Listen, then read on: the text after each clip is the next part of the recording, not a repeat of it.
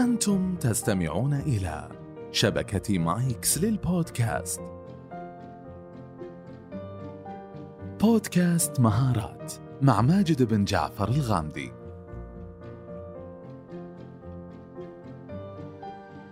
يقولون إذا أردت أن تكون مصدر إلهام للآخرين فأول خطوة وأهم خطوة أن يكون لديك مهارة الاحترافية لأنها مهارة الملهمين. هالحلقة خصصناها كيف أكون فعلا محترف ولدي احترافية عالية في العمل بإذن الله تعالى.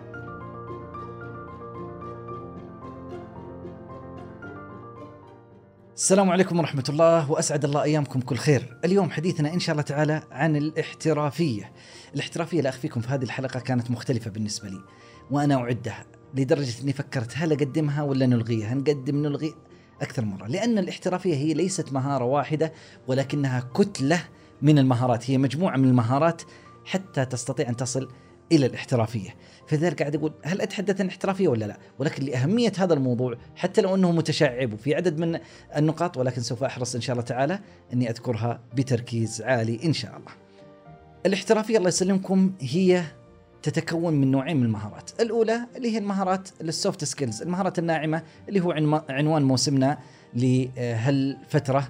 إن شاء الله تعالى في بودكاست مهارات. ونقصد في المهارات الناعمة بالذات التي تتعلق في الاحترافية مثل المرونة وتحدثنا عنها في الحلقة السابقة وأيضا الابتكار القيادة العمل تحت الضغط الانتاجية أي حاجة هذه كلها لها علاقة في الاحترافية. النوع الثاني من المهارات هي المهارات التخصصية التي يحتاجها الإنسان حتى ينجز عمله في تخصصه بكفاءة عالية. إن شاء الله تعالى سوف نتحدث عنها ونصل إلى سبع خطوات تقودنا إلى الاحترافية، ولكن قبلها خلونا نأخذ مثالين. نموذجين، نموذج أول لم يكن احترافي ونموذج آخر كان احترافي، ونحن في هذه الحلقة نتحدث أكثر عن بيئات العمل. النموذج الأول الله يسلمكم هو لشخص لم يكن لديه الاحترافية العالية في تحمل المسؤولية. القصة تبدأ من شركة بريتش بتروليوم وتحديدا رئيسها التنفيذي كان في ذلك الوقت اسمه توني. عام 2010 حصل عندهم أزمة إشكالية. انفجار في منصة النفطية اللي كانت مطلة على خليج المكسيك تسببت في مقتل 11 عامل وتسرب أكثر من 130 جالون من النفط في خليج المكسيك. في عندك أزمة حصلت. التعامل الاحترافي كيف يكون معها؟ هذا لم يحصل للأسف مع السي في ذلك الوقت اللي هو آه توني. ما الذي حدث؟ خرج في تصريح وقال إنه هذه الحادثة وأن هذا التسرب الذي حصل التسرب النفطي الذي تسببت به الشركة صغير نسبيا مقارنة بحجم المحيط الكبير جدا. هذا التصريح على بساطته أثار استياء وغضب نشطاء البيئة. غير كذا لاحظ إنه في 11 قتيل وكأنه الموضوع ما يعني ترى عادي ولذلك أصبحت هناك ردة فعل غير جيدة من الجماهير أدت إلى فقدانه لمنصبه وتشويه سمعة الشركة. فقط بعض الأحيان عدم الاحترافية، عدم التقدير، عدم آه، تقدير الموقف، عدم هذه الأمور قد آه، تحدث كارثة وأزمة أثناء الأزمة. في المقابل قصة أخرى لتويوتا، شركة تويوتا حصل عندهم أيضا أزمة أخرى ولكن ال CEO الرئيس التنفيذي تعامل معها بشكل جيد وشكل احترافي. الذي حدث في تويوتا إنه كان واحد يعتبر من أسوأ الكوابيس التي مرت عليهم إنه صار عندهم عيوب في تصنيع السيارات وأدت إلى حوادث أدت إلى مقتل أكثر من 90 شخص فما الذي حدث؟ قالوا نتعامل مع الموضوع باحترافية أول خطوة اضطرت شركة تويوتا إلى استدعاء ثمانية ملايين سيارة قد نزلوها في الأسواق قالوا أعطونا هذه السيارات فهذه خسائر مالية. اثنين الرئيس التنفيذي خرج في طريقة إنسانية وقدم التعازي الشخصية لأسر الضحايا والاعتذار لجميع العملاء. وبعدين أيضا الشركة شركة تويوتا أطلقت حملة إعلانية اعترفت فيها بهذا الخطأ الذي حدث ثم قدمت الوعود بالتزامها بمعايير السلامة العالية ونشرت ذلك في الصحف الكبرى وفي منصات التواصل الاجتماعي اهتمامها بمعايير السلامة تقبل الناس أول شيء كانوا في صدمة وفي خطأ وكل شيء ولكنها تقبلوا وتجاوزوها بطريقة احترافية جيدة هذه الأمور يحتاج الواحد يطلع عليها يقرأها يعرفها حتى يكون أكثر احترافية في عمله بإذن الله. الآن نتحدث عن كيف. أبغى أتعلم مهارة الاحترافية أكثر، سبع خطوات تساعدنا على الاحترافية ومرة ثانية الموضوع أكبر، ولكن خلونا نأخذ بعض الخطوات المفيدة. رقم واحد الالتزام بالوقت وبالمواعيد. وهذه هي غاية الاحترافية. لو واحد وعدك الساعة التاسعة ثم بعد ذلك أتاك الساعة التاسعة والربع التاسعة والنصف هذا غير محترف في مواعيده وفي عمله. يحتاج أن يلتزم بالمو... بالموعد. فهذه مهمة لأن العمل وما تتعامل فيه مع الآخرين هو يقوم على الوقت. فعامل الوقت مهم. الاحترافية ليس أن تأتي في الوقت الموعد الساعة التاسعة تأتي التاسعة.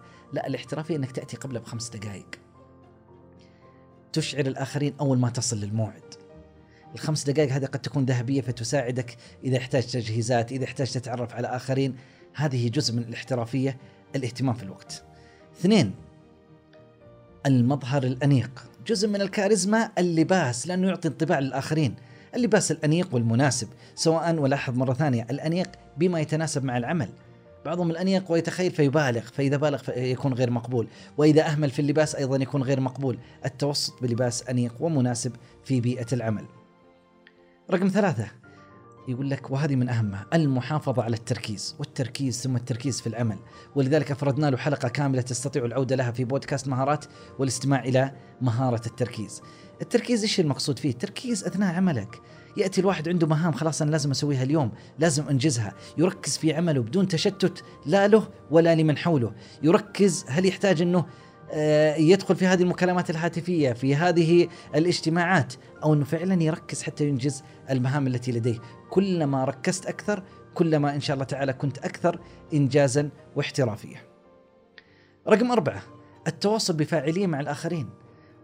أهم حاجة لديك في العمل التي تظهر احترافيتك كيف تتواصل مع الآخرين. التواصل وهنا يظهر مرة ثانية الكاريزما. التواصل في الوقت المناسب بالابتسامة المناسبة، بالكلمات اللائقة، بالطلبات المحددة، بعضهم يتواصل ويتكلم ما تدري إيش يبغى. في الأخير ماذا تريد؟ والله ما أدري تواصل معي فلان بس ما أدري إيش يبغى بالتمام. ذكر لك مشكلة بس ما قال لك إيش يبغى. ولذلك يحتاج أن يكون فعلا في تواصل بفاعلية. رقم خمسة في الاحترافية الثقة. وهذه في غاية الأهمية يحتاج كل واحد في بيئة العمل واثق جدا من أدائه من عمله من مهامه كلما كنت أكثر ثقة في ذاتك سوف ينعكس على عملك وإنتاجيتك سوف تكون إن شاء الله تعالى احترافية ثم بعد ذلك سوف يعطونك الناس هذه الثقة التي تستحقها. سادسا الذي يساعدنا على الاحترافية التخصص. لا تكون آسف على هالكلمة بتاع كله. كل حاجة انت داخل فيها ولا أنا أعرف هذه وأعرف هذه وأعرف هذه خلي عندك تخصص حتى لو إنك في إدارة معينة داخل الإدارة ما شاء الله في مواضيع كثيرة خليك على اطلاع فيها ولكن أحد المواضيع خليها لعبتك وقول هذه تخصصي. في قاعدة حلوة يقول ليكن لونك فاقعا. بعض المواضيع خليك أنت كذا المميز. إذا ذكر الموضوع قال من تعرفون في هالموضوع؟ قال آه مين, مين؟ آه فلان. لأنه خلاص ارتبط اسمك بهذا الموضوع أنك متخصص ومتقن فيه. فلذلك كن خبيرا في مجالك.